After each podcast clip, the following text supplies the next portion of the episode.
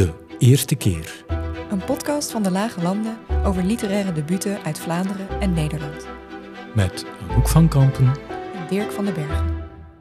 Welkom uh, luisteraars vanuit de kelder van boekhandel De Groene Waterman in Antwerpen. Welkom Hanan Faour. Welkom Guillaume van der Steeglen.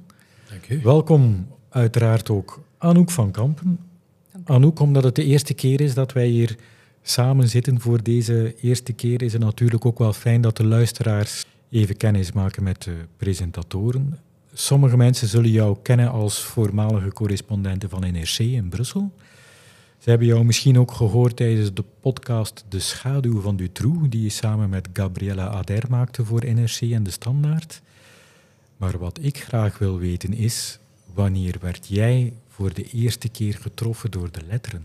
Um, ja, niet iedereen zal dit misschien direct hoogstaande literatuur vinden, maar ik wel. Uh, dat was uh, Daantje de Wereldkampioen van Roald Dahl, een kinderboek. Maar je hebt ook prachtige kinderliteratuur. Ik vond dat echt een, een geweldig boek. En vanaf dat moment wilde ik ook heel graag uh, zelf gaan schrijven. En zat ik ook heel lang te wachten. Op een bepaald moment had ik alle boeken van Roald Dahl gelezen... en zat ik te wachten op het volgende boek... Uh, en uiteindelijk hebben mijn ouders dan moeten vertellen dat, dat er niet meer ging komen, omdat hij wel een tijdje overleden was. Dus dat een is trauma. Mijn eerste grote teleurstelling. um, ja, maar dat, uh, dat is mijn, uh, mijn eerste keer dat ik echt omver werd geblazen. Hanan, Hanan Fahour, jij bent geboren in 1998, nog maar 25 jaar dus. Um, en je publiceerde onlangs al je eerste roman, Scherpenstad bij uitgeverij De Geus. Het contract daarvoor kreeg je toen je nog maar net was afgestudeerd, begreep ik, aan de opleiding Creative Writing aan de Artes Hogeschool. Um, werd jij ook al zo vroeg getroffen door literatuur en, en waardoor was dat bij jou voor het eerst? Ja, ik denk dat ik altijd wel al veel heb gelezen. Um, als, als kind heel veel, maar ook echt heel veel Roald Dahl bijvoorbeeld. Mathilde was echt nou, ik, ik was een beetje Mathilde, echt mijn, mijn droompersonage. um, maar ik denk dat de eerste keer dat ik echt door literatuur werd getroffen, als je echt literatuur met, met een hoofdletter wil benoemen, uh, dat dat ook wel op het middelbaar was. Ik denk dat ik 16 of 17 was en ik las De Wetten van Connie Palme. En ik vond dat echt een hele ervaring, omdat dat niet alleen maar ging over, over dat boek en over dat verhaal, maar ook heel erg ging over wat het is om schrijver te zijn. En en hoe je moet leven als schrijver. En uh, ja, het hoofdpersonage in dat boek heeft heel veel moeite met schrijven combineren met het leven. Ze heeft het gevoel dat ze moet doodgaan om te kunnen schrijven.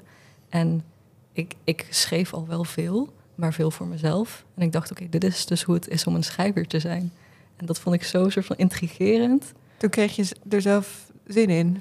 Niet per se zin, want ik, was, ik werd juist een beetje bang. Ik dacht, oh, is dit zo soort van alomvattend in je leven en zoiets groots? Maar ja, dat maakt het ook wel spannend en ook wel iets wat ik ook wilde gaan ontdekken. En toen, toen ben ik wel echt serieus gaan nadenken over, oké, dus ik wil schrijver worden. Wat betekent dat dan en, en wat moet ik daar dan voor gaan doen? We hebben ook aan tafel Guillaume van der Stichelen, um, auteur van Rozeke, uitgegeven bij Manteau. Ja. Jij bent een debutant van 67 jaar, als ik het goed heb.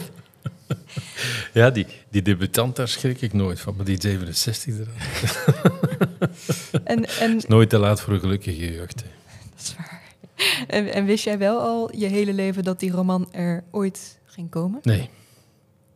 Nee, zelfs niet, zelfs niet toen hij al half, half af was. Het was, nee, dat is echt een heel... Voor jezelf in eerste instantie? Nee, dat is een heel late gewaar. Ja, maar je moet, ik, ik heb dus mijn hele leven wel professioneel geschreven, maar dan voor reclame. Uh, en dan uh, de laatste tien jaar voor kranten, maar dat waren dan opiniestukken of cursiefjes of, of, of zo. Dus ik, opdrachten. Ik had al zes boeken uitgegeven, maar dat waren ook opdrachten. Maar het idee dat ik fictie zou schrijven, dat is echt ontstaan met het schrijven van dit, van dit mm -hmm. boek. Het, was echt, uh, het boek was bijna klaar toen ik het ja, liet lezen aan, aan mensen die, die uit de uitgeverswereld, vrienden, die dan zo laaiend enthousiast uh, werden dat ik toen pas begonnen tot me door te dringen. Want het zou, het zou, wel eens, het zou toch wel eens, het zou toch wel eens, uh, wel eens kunnen. Ja. ja, dat is een ontdekking. En was het tot die tijd dan gewoon voor jezelf? Ja. Ja, ja ik, ik, ik, heb, ik, ik wist niet dat ik. laten we zo zeggen, ik, ik wist niet dat het zo makkelijk was. Ik wist niet, ik wist niet dat het, want ik, ik ben een heel lui iemand. En had ik, had, ik, had ik vroeger geweten dat fictieschrijver zo moeiteloos is en zo vanzelf gaat, dat, dan had ik dat, dat ik misschien wel vroeger aan, beginnen, aan begonnen. Maar, maar niet dit boek. Dit, voor dit boek moet, moet je echt wel 67 geworden zijn om dat, om dat te schrijven. Om dat te kunnen schrijven, ja. Gaat, gaat fictie schrijven, gaat dat bijna makkelijker dan een goede reclameslogan? Want mensen, bijvoorbeeld in Nederland, die kennen wellicht misschien jouw naam niet, ja. maar ze kennen wel mijn thuis is waar mijn Stella staat, of het ruikt hier naar Douwe Egberts. Ja, ja, en dat zijn dingen die jij hebt verzonnen. Ja, maar kijk, die, die ja, fictie gaat, gaat vanzelf, omdat je dus je, je schrijft het in het is er en dat moet niet herschreven worden. Zo. Dus dat, dat, is, dat is goed. Terwijl zo'n zo'n reclametekst, ja, er zitten ook een heleboel mensen mhm. mee, mee, naar te kijken of die wel goed is en, en te vergelijken enzovoort. Dus dat is, ja, dat is veel meer werken hoor. Reclame schrijven is veel meer werken, veel met, met veel meer dingen eh, bezighouden. Terwijl fictie schrijven, je kan er niks van doen. Hè. Het komt uit je hoofd en het staat daar. Het, kan niet fout zijn. Het beeld dat uh, Connie Palme schetste is minder rooskleurig dan hoe jij het nu vertelt. Ja, ja, maar ze is misschien jonger. Ik kan me wel voorstellen dat je dit moet doen als je, als je 20 bent of, of, of 30 bent, dan wordt het wel even heel moeilijk, omdat, omdat je dan tegelijkertijd ook moet nadenken over wat ga ik de rest van mijn leven doen, ga ik hiervan kunnen leven, wat, hoe, hoe ga ik hiervan leven? Want je moet, je moet, zeker in de lage landen, je moet al behoorlijk, uh, behoorlijk boeken verkopen om, om ervan te kunnen leven. Mhm. dat, is, dat, is, niet veel, dat zijn er niet veel gegeven in, uh, Absoluut zeker, niet in, zeker niet in Vlaanderen. Dus dan heb je toch een heleboel andere zorgen uh, aan, aan je kop. En dan nog denk ik dat er toch behoorlijk wat uh, auteurs zijn in de lage landen die voor zichzelf de lat zeer hoog leggen. Dat, dat, dat, dat een, een boek schrijven moet een bijna kunst zijn. Dus dat moet naar zweet ruiken. dat moet, je moet, mhm. ja, ja, en er zijn mensen die dat ook graag lezen. Hè, zo van die zinnen waar heel hard aan gewerkt is. Waar, ik, uh, ik heb het heel veel meer over het gewone vertellen. Ja. Het gewone vertellen, het plezier van te vertellen. Ierse literatuur. Mm Zie je, de, de, de, de, de, elke Ier vertelt. Ja. Dirk, mijn medepresentator, goed om je ook even te introduceren, denk ik. Uh, jij werkt als freelance journalist. Je verzorgt onder andere de maandelijkse rubriek De Eerste Keer op de website van de Lage Landen, die ook over uh, literaire debuten gaat. Precies. Jij bent nu 52. Ben je van plan om, uh, net als Guillaume, nog aan een laat debuut te beginnen?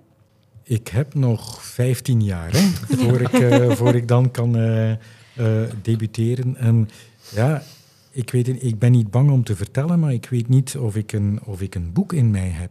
Ik heb wel eens een kort verhaal gepubliceerd op een website. Ik heb er ooit zelfs eens uh, een prijs mee gewonnen, een wellness weekend. Uh, dus dat was, uh, dus de, dat, ja, dat, dat is literatuur in Vlaanderen. Daar kan je wellness weekends eh, mee winnen. Maar dat boek, ja, ik weet het niet. Als ik vind dat ik iets heb te vertellen, dan misschien wel. Je hebt nog de tijd. Dankjewel. Maar volgens mij is het tijd om te praten over boeken die wel zijn uh, geschreven en verschenen. Hanan, Ladies First. Hè. We gaan het eerst even over Schervenstad hebben.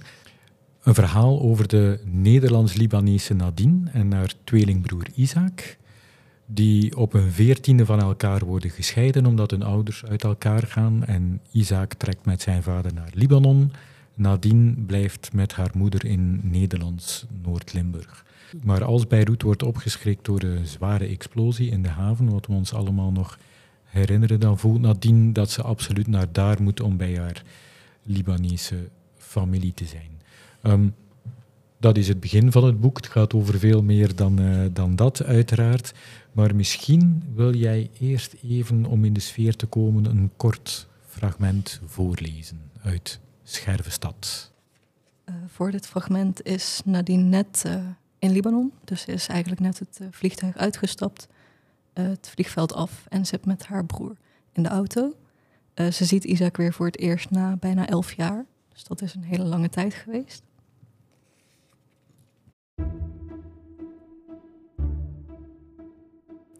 In de auto, afgesloten van de buitenwereld, als ik mijn blik richt op het dashboardkastje en mijn focus op de muziek, voelde het op een bepaalde manier vertrouwd om naast hem te zitten en naar hem te kijken, alsof we nooit niet in elkaars bijzijn zijn geweest. Ik bestudeerde de contouren van zijn gezicht, de kromming van zijn neusbrug die we allebei van onze vader hebben geërfd, de springerige haren op zijn kruin. Zijn gezicht is mijn gezicht, maar dan net anders. Hij is mij, maar dan net anders. Er is geen persoon op aarde waar ik genetisch meer overeenkomsten mee heb dan met Isaac. Hij is geen vreemdeling. Tegelijkertijd is Isaac iemand die ik in een vorig leven heb gekend. Hij is op allerlei manieren, door zijn lengte, kapsel, de zwaarte van zijn stem, hoe hij auto rijdt, de manier waarop hij zijn lichaam draagt, onherkenbaar geworden. In het leven waarin we elkaar kenden was hij een rups en nu is hij een vlinder. Hij heeft een heel proces ondergaan waarbij alles van hem, zijn huid, hersenen, ingewanden en botten tot smurrie is opgelost, daarna opnieuw tot mens is gevormd. Er is onderzoek gedaan naar wat vlinders zich nog kunnen herinneren van hun rupsenleven. Tijdens de metamorfose worden alleen herinneringen die van biologisch belang zijn doorgegeven. Alleen de herinneringen die ervoor zorgen dat de vlinder weet wat gevaarlijk is en wat vertrouwd, blijven bewaard. Waar de rups om moest lachen, wat hem verdrietig maakte, hoeveel hij van de andere rupsen om zich heen hield, gaat allemaal verloren tijdens het transformatieproces. Als je moet kiezen, zou je dan een rups of een vlinder willen zijn? vraag ik hem. Wat weet je nog van het leven dat we deelden? What the fuck? Hij kijkt opzij, trekt zijn wenkbrauw op, schudt zijn hoofd aan. Een vlinder, denk ik. Nee, een rups. Kan ik ook iets anders kiezen? Een duizendpoot of zo? Nee, een oranje lieveheersbeestje. Dat is het.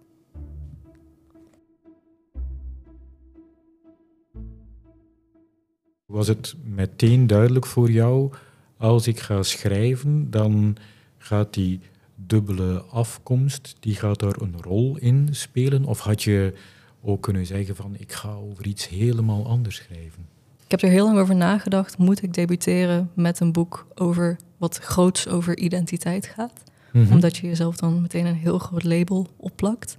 En eh, dat wilde ik niet. Maar ik heb dit boek ook vooral geschreven omdat ik het zelf heel graag had willen lezen toen ik tien jaar jonger was dan dat ik nu ben. Mhm. En het was er niet. En ik vond het heel belangrijk om, omdat het er niet was, of niet veel was, het wel zelf te maken. Dus uiteindelijk wist ik eigenlijk wel dat het een hele grote rol zou gaan spelen. En dat ik dat label, als het er dan kwam, dan maar ging accepteren. Mhm.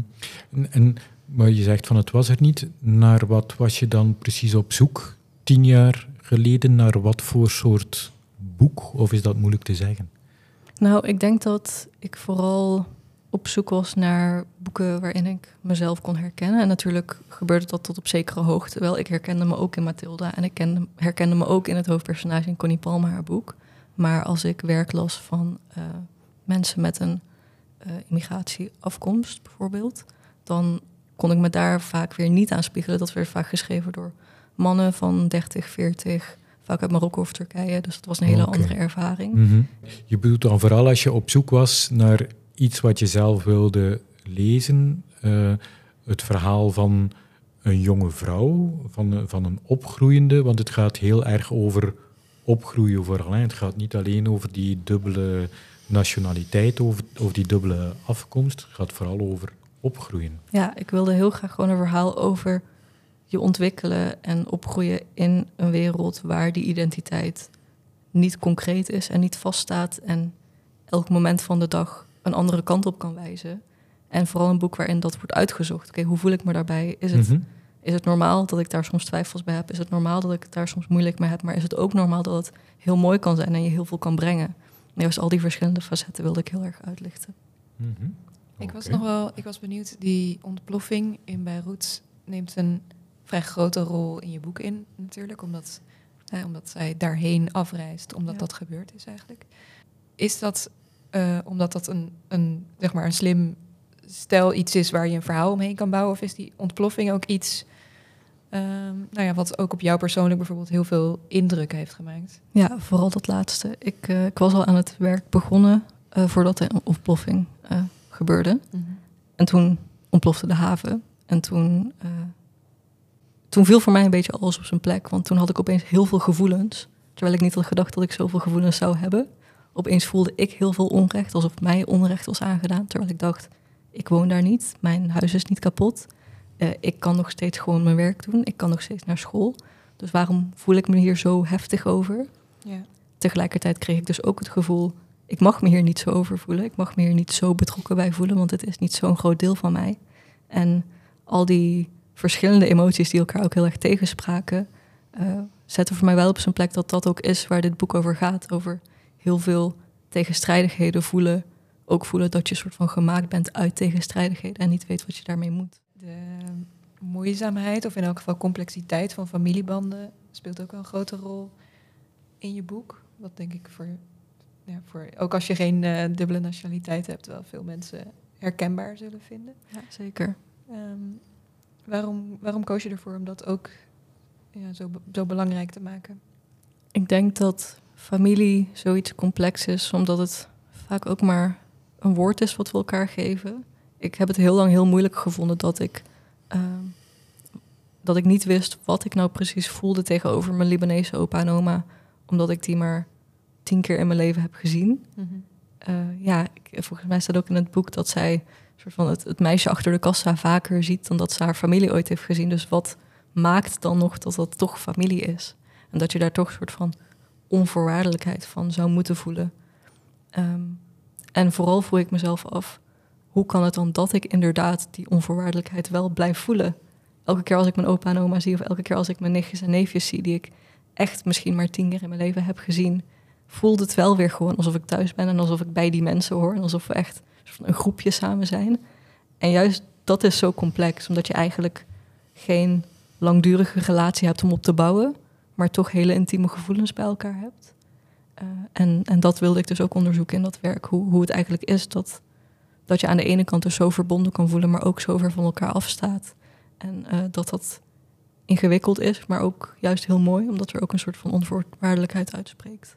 Ja, dat vond ik ook heel interessant aan, aan, allebei jullie boeken, want de stijl is totaal anders. Het speelt zich nou ja, totaal ergens anders af. Maar in beide boeken uh, nemen familiebanden een vrij prominente rol in. Um, in Rozeke, Guillaume's boek. Ja. Um, we volgen daarin het leven van jouw naamgenoot, Guillaume van der Stichelen. Ja. Het is geen autobiografie, verre van, want dit boek gaat over een Guillaume die in de 19e eeuw, eind 19e eeuw, in Antwerpen leeft. Ja. Een man van simpele komaf die zich door hard te werken opwerkt tot een rijke ondernemer met een grote, uh, grote familie. Maar achter al dat succes en die rijkdom gaat een heleboel verborgen leed en onuitgesproken schuldgevoel schuil. En behalve een tijdsbeeld, wat ik heel interessant vond om, om te lezen, hoe, eind 19e eeuw is er ontzettend veel wat, wat verandert in de maatschappij. Um, dus behalve een tijdsbeeld en de beschrijving van een uh, levensloop is het ook ja, de schets van een familie waarin eigenlijk niemand dat doet of zegt wat ze zouden moeten doen of zeggen. uh, waarin, het, waarin het veel moeilijker is om een knuffel te geven dan een boos verwijt. En uh, iedereen elkaar eigenlijk uiteindelijk telkens maar half lijkt te begrijpen. Um, klopt het dat dit boek over jouw overgrootvader gaat? Het, uh, ja, ja. Ik ben een rem genoemd. Um, ik, ik, kwam uit een, gezin van ambachtslui. Dus zijn moeder was een strijkster.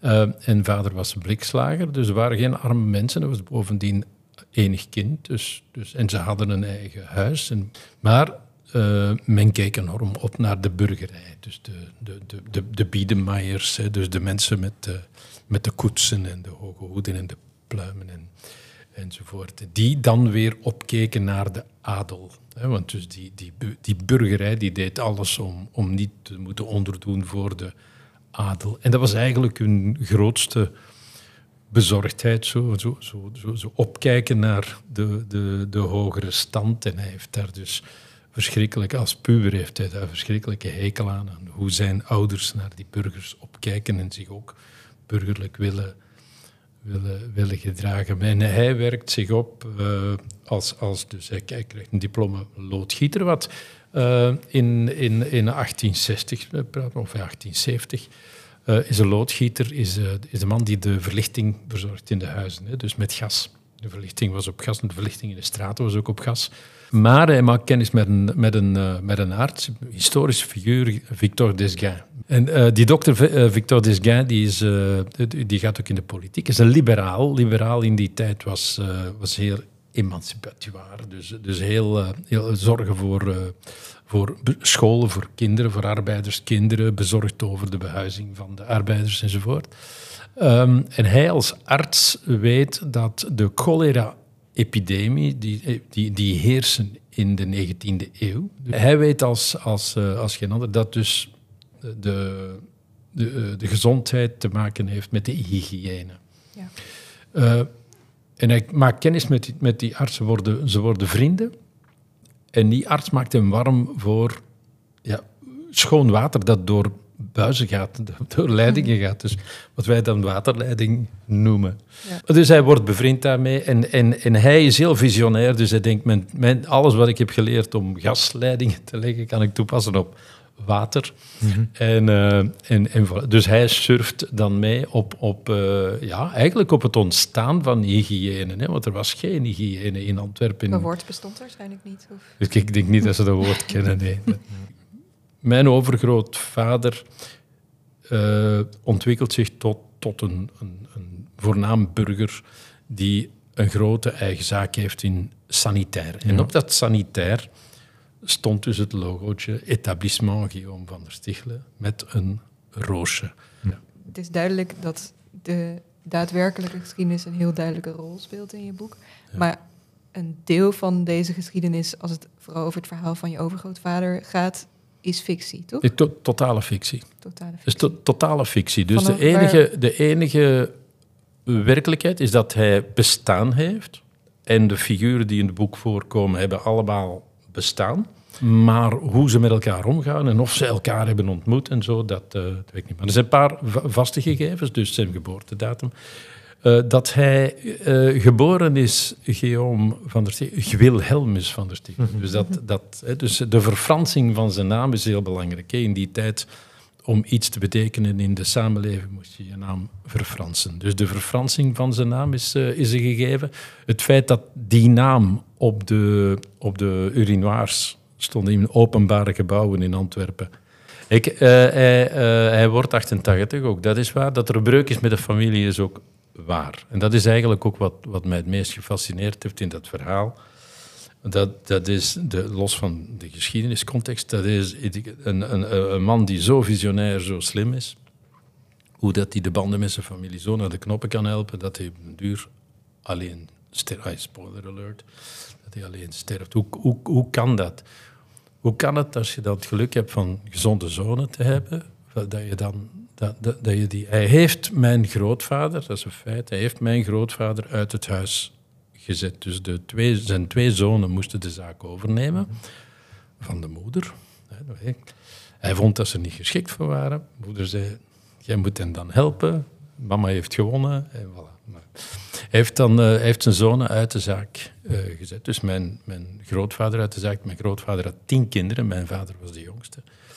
Ja, voilà. Dus dat gezin is echt op straat gezet geweest in de jaren dertig. Dus in, in, in volle crisis.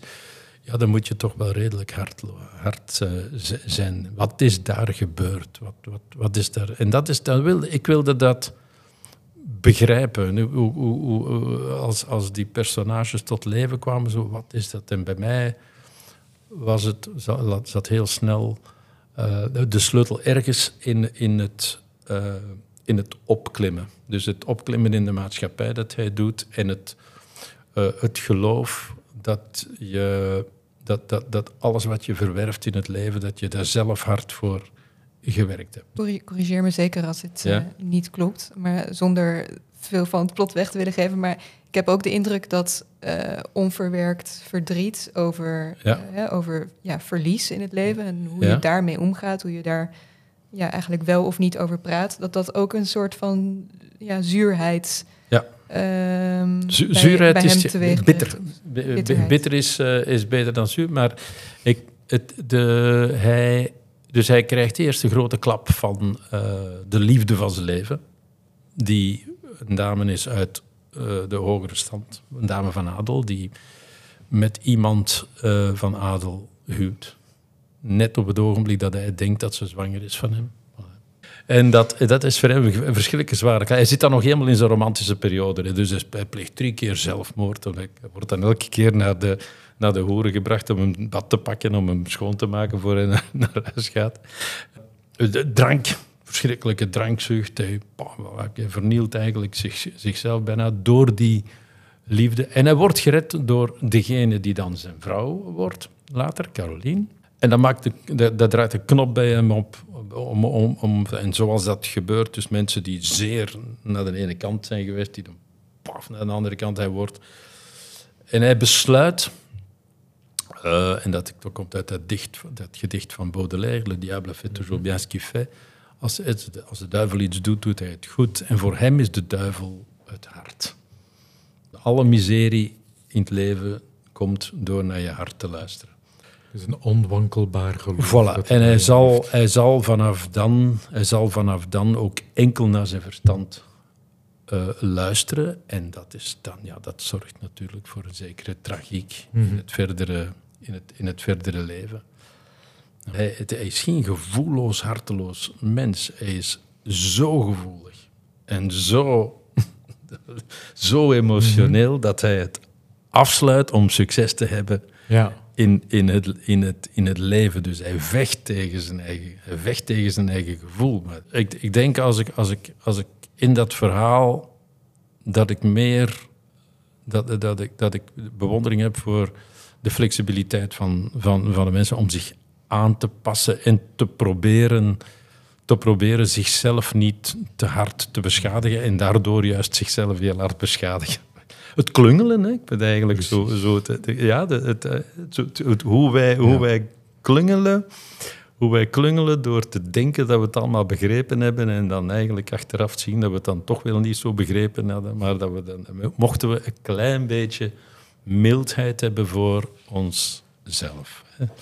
Dat, dat, dat, dat, dat is... Uh, en, en, inderdaad... Een mooie boodschap. En inderdaad, de vrouwen in het boek hebben daar veel meer, hebben daar veel meer voeling mee dan... Uh, meer dan feeling voor. En ja, meer, uh, ik, zal, ik denk dat dat is dat ze zo sterk maken. Mm over sterke vrouwen uh, gesproken. Um, in iedere aflevering van de eerste keer willen we ook eens uh, vragen aan een iets wat bekendere ex-debutant om terug te blikken op zijn of haar debuut en wat tips te geven voor schrijvers die net een boek hebben uitgebracht. Ik heb um, een van de afgelopen dagen gebeld met Lara Taverne, die uh, ooit debuteerde in 2014 met het boek De Kinderen van Calais. Ik stel voor dat we even kort gaan luisteren naar wat Lara heeft te vertellen.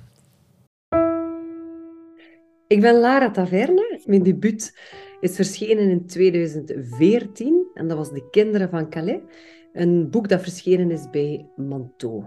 Het boek is uh, geïnspireerd op een krantenknipsel ik heb dat uitgeknipt als ik nog studeerde. En dat was een krantenknipsel waarin dat het ging over twee meisjes van 15, twee hartsvriendinnen, hè, zo de soort die altijd samen is, hè, zo één taaltje heeft. En die meisjes verdwijnen op een dag, die komen niet op school. En ik las dat en ik, ik, ik zag dat zo beeldend voor me, zo die twee meisjes die daar stonden aan die rand van die kliffen, uh, die duizend en vragen dat dat oproept. Hè.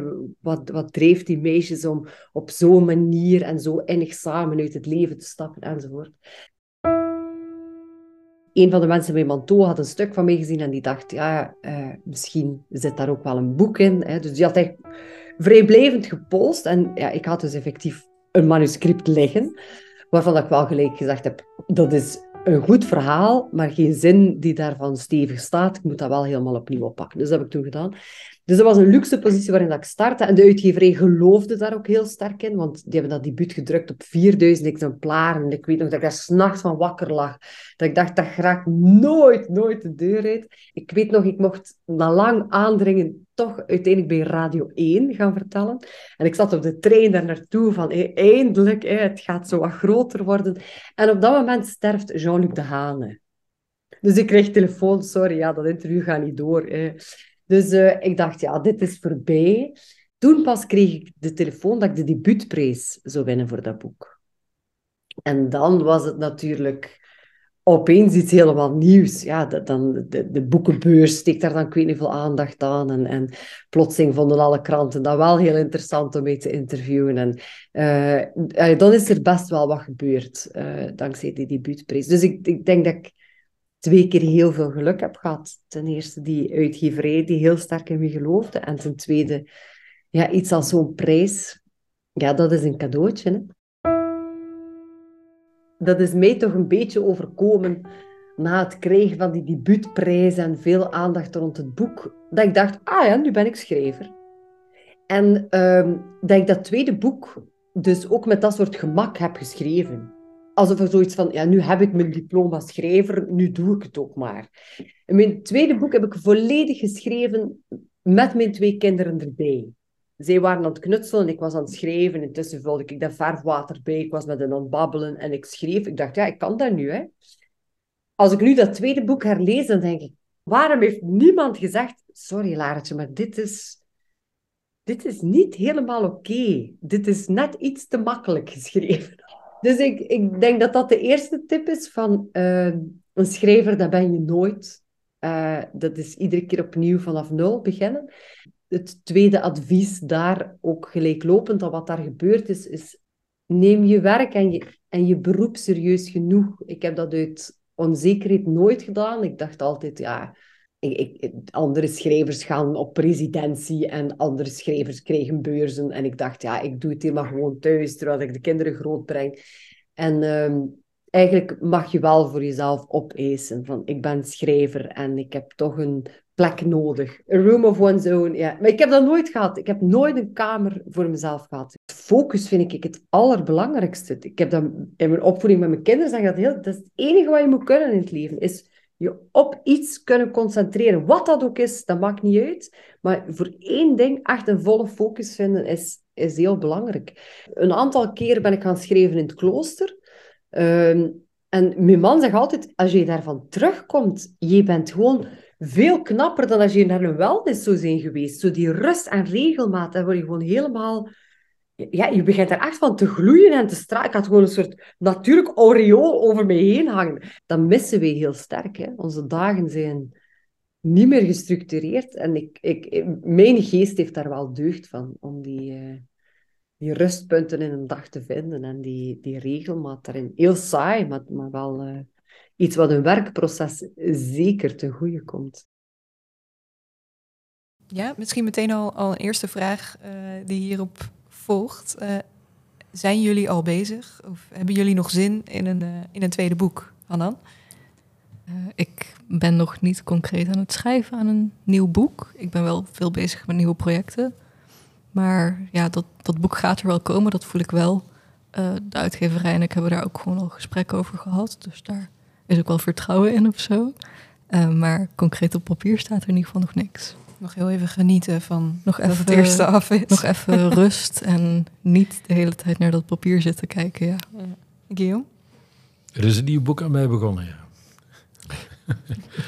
ja, ja. Daar moest je even over nadenken. Nee, nee, nee, nee, nee. Het is, dat, is, dat is zo, ja. Dat is, ja, dat is raar, dat had ik ook nooit verwacht, maar inderdaad, het is, het is zo. Het is een dame die, die, uh, die plots in mijn hoofd begint te vertellen. En, en, en, en dus, ja, in het begin is dat heel vaag, zo van, ja, de mens interesseert mij eigenlijk ook zo niet, niet geweldig, zo, maar die begint dus echt te duwen. Zo. En elke, elke ochtend heeft hij zo nog iets erbij, zo, want dan op een duur dat je dus echt wel moet beginnen opschrijven, want anders is het weg.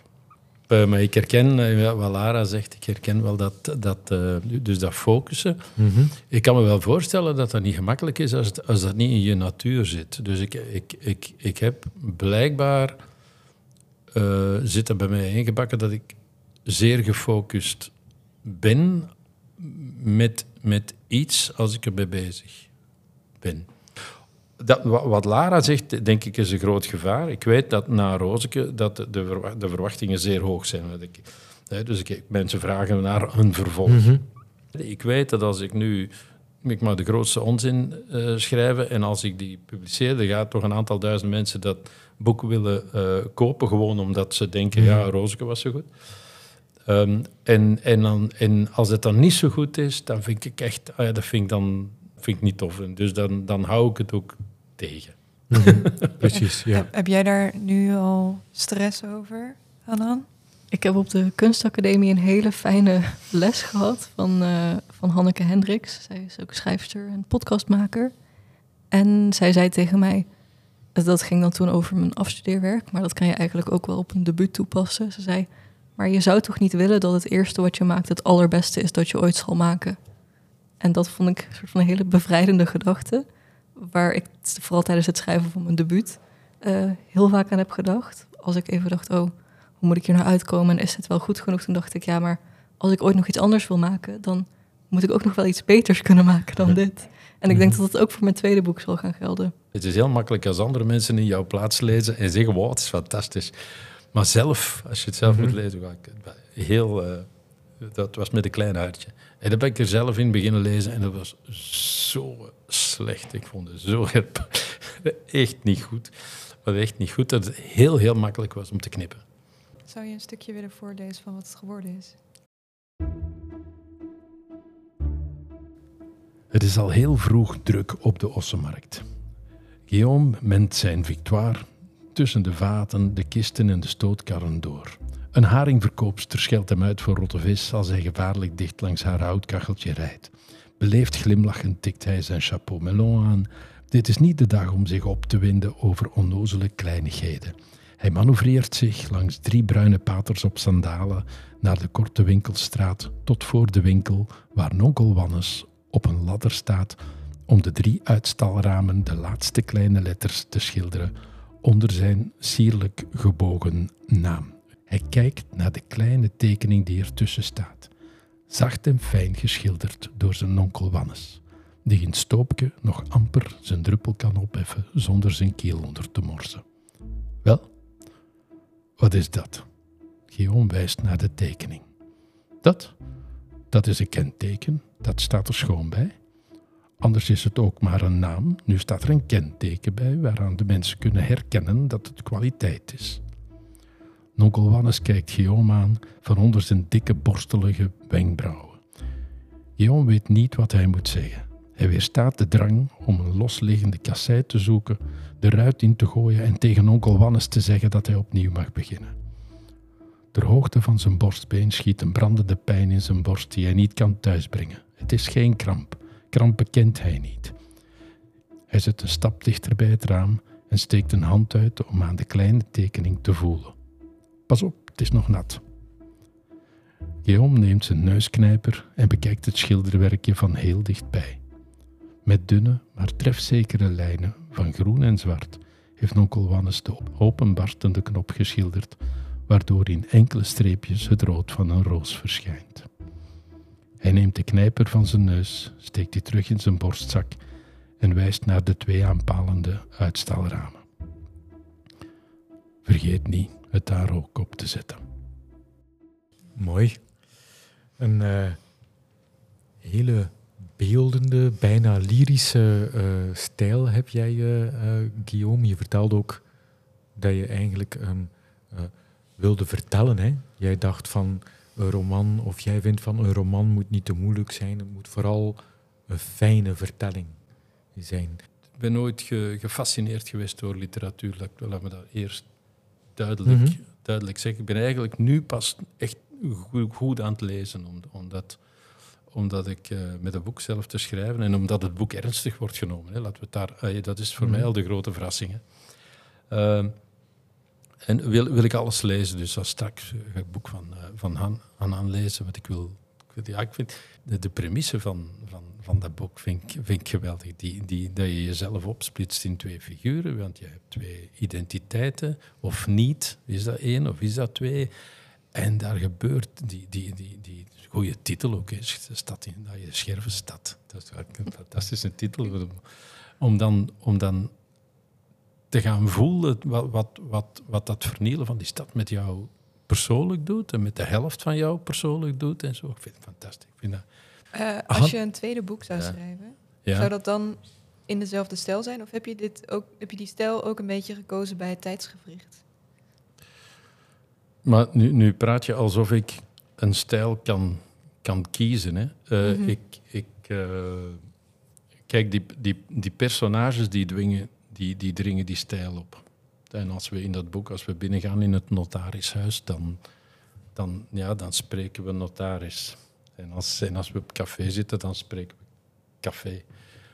Ik denk dat je, dat je verschillende soorten schrijvers hebt. En ik ben ook wel in de eerste plaats, moet iets me raken en moet een verhaal iets met me doen. Uh, je kan hele mooie stijl hebben, maar als dat verhaal verder niks zegt, dan heb je niks aan die stijl. Die stijl moet ook iets kunnen dragen. Uh, maar ik denk wel dat ik vaak bij een herlezing, of in ieder geval als ik eenmaal in dat verhaal zit en het fijn vind en erin verloren raak, dat ik dan wel ook heel erg bezig ben met wat de taal doet uh, en hoe de constructie van het verhaal is, inderdaad. Klopt het dat jij AI hebt gebruikt om bepaalde karakters van, of karaktertrekken van Nadine en Isaac te verduidelijken? Ja, nu, zeg maar, in het licht van ChatGPT lijkt het nu alsof zo ik de roman door AI heb laten schrijven. Nee, wat, dat bedoel ik niet. Nee, nee, nee. ik heb inderdaad, um, ja, het boek was er al grotendeels, of toch zeker voor drie kwart. En ik, ik vind technologie heel interessant. Ik schrijf ook wel online dingen, interactieve dingen. En er is een online bot die Um, als jij een soort van schuift aan verschillende kenmerken, kan die een portret uh, eruit laten komen. Oké. En zo kon ik dus kijken naar, oké, okay, uh, je kon blauwe ogen bijvoorbeeld op 100% zetten of op 0%. En 0% blauwe ogen betekent dan bruine ogen volgens de AI. Dat is ook heel interessant wat, wat voor gedachten daar dan achter zitten. Wat betekenen soort van die termen die eigenlijk niet zoveel zeggen. Nou, ik kon blauwe ogen op 10% zetten. Je kon op 100% was dan mannelijk, min 100% was vrouwelijk. Daar kon je tussen inschuiven. En zo kon ik eigenlijk uh, ja, portretten maken die echt wel levensecht lijken. Ze zijn ook Mhm. eigenlijk, als je ernaar kijkt, een beetje eng als je bedenkt dat het geen echte mensen zijn. Ze lijken echt wel op, uh, op gewoon voorbijgangers. Uh, zo heb ik alle personages kunnen verbeelden. Mhm. En dat helpt dan bij het schrijven dat je iemand nog concreter in je hoofd hebt eigenlijk. Ja, gedeeltelijk helpt het bij het schrijven, omdat ik ook wel moeite had, ik denk zo halverwege, om, me, om mezelf een beetje los te koppelen van bijvoorbeeld Nadine. Uh, want veel mensen denken dan ook, oh ja, ik schrijf het vanuit de ik. Uh, ik ben ongeveer even oud, ik heb ongeveer dezelfde achtergrond, dan moet ik wel Nadine Mhm. zijn. Dus ook om voor mezelf een beetje die loskoppeling te maken, dacht ik, oké, er is nu een portret van dat mens. Ze was in mijn hoofd echt al wel duidelijk, maar om het dan nog even extern opnieuw te zien, alsof ze echt een echt mens was, gaf me best wel veel mogelijkheden om inderdaad haar even echt concreet los te koppelen van mezelf. Dus dat hielp ook wel in het proces. Ik denk dat het Ja. interessant is om. Ik trek mijn proces vaak ook heel erg open. Dus mijn proces voor schrijven gaat niet alleen om die woorden op papier zetten. Maar gaat ook om die portretten maken. En gaat ook om de playlists maken die de personages dan zouden luisteren. En Mhm. gaat om een bredere wereld, vaak digitaal creëren.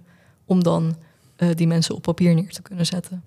Die digitale communicatiemiddelen en zo, die spelen ook wel echt een rol in jouw boek, omdat je er echt WhatsAppjes zeg maar eh, integraal inzet bijvoorbeeld. Ehm, is dat dan echt een stilistische keuze die je maakt? Of is het meer van ja, dit is gewoon mijn leven, dus het is ook logisch dat dat ja, in mijn boek ook een plek krijgt? Ik denk dat het een beetje van beide is. Ik denk dat het ehm, ja, thematisch zo is, omdat ik vind dat er in heel veel boeken die zich afspelen in het nu en ook nu worden geschreven, het vaak lijkt alsof personages geen telefoons hebben. Terwijl dat gewoon niet is hoe het leven nu is ingericht. Uh, vooral als je kijkt naar mensen die familie hebben over de hele wereld. Ik bedoel, 90% van mijn communicatie met mijn familie vindt plaats op schermpjes. Dus het zou onnatuurlijk zijn als dat niet een onderdeel zou zijn van het verhaal thematisch. Maar ik denk ook dat ik in het werk probeer te spelen met verschillende registers en verschillende manieren van taal gebruiken. En je leest en schrijft een tekst nou eenmaal heel anders op een WhatsAppje dan dat je het doet in een mail die er bijvoorbeeld ook in zit. En juist het, het experimenteren met verschillende registers en verschillende associaties die we hebben bij teksten uh, voegt naar mijn mening dan ook toe aan hoe je dat verhaal tot je neemt.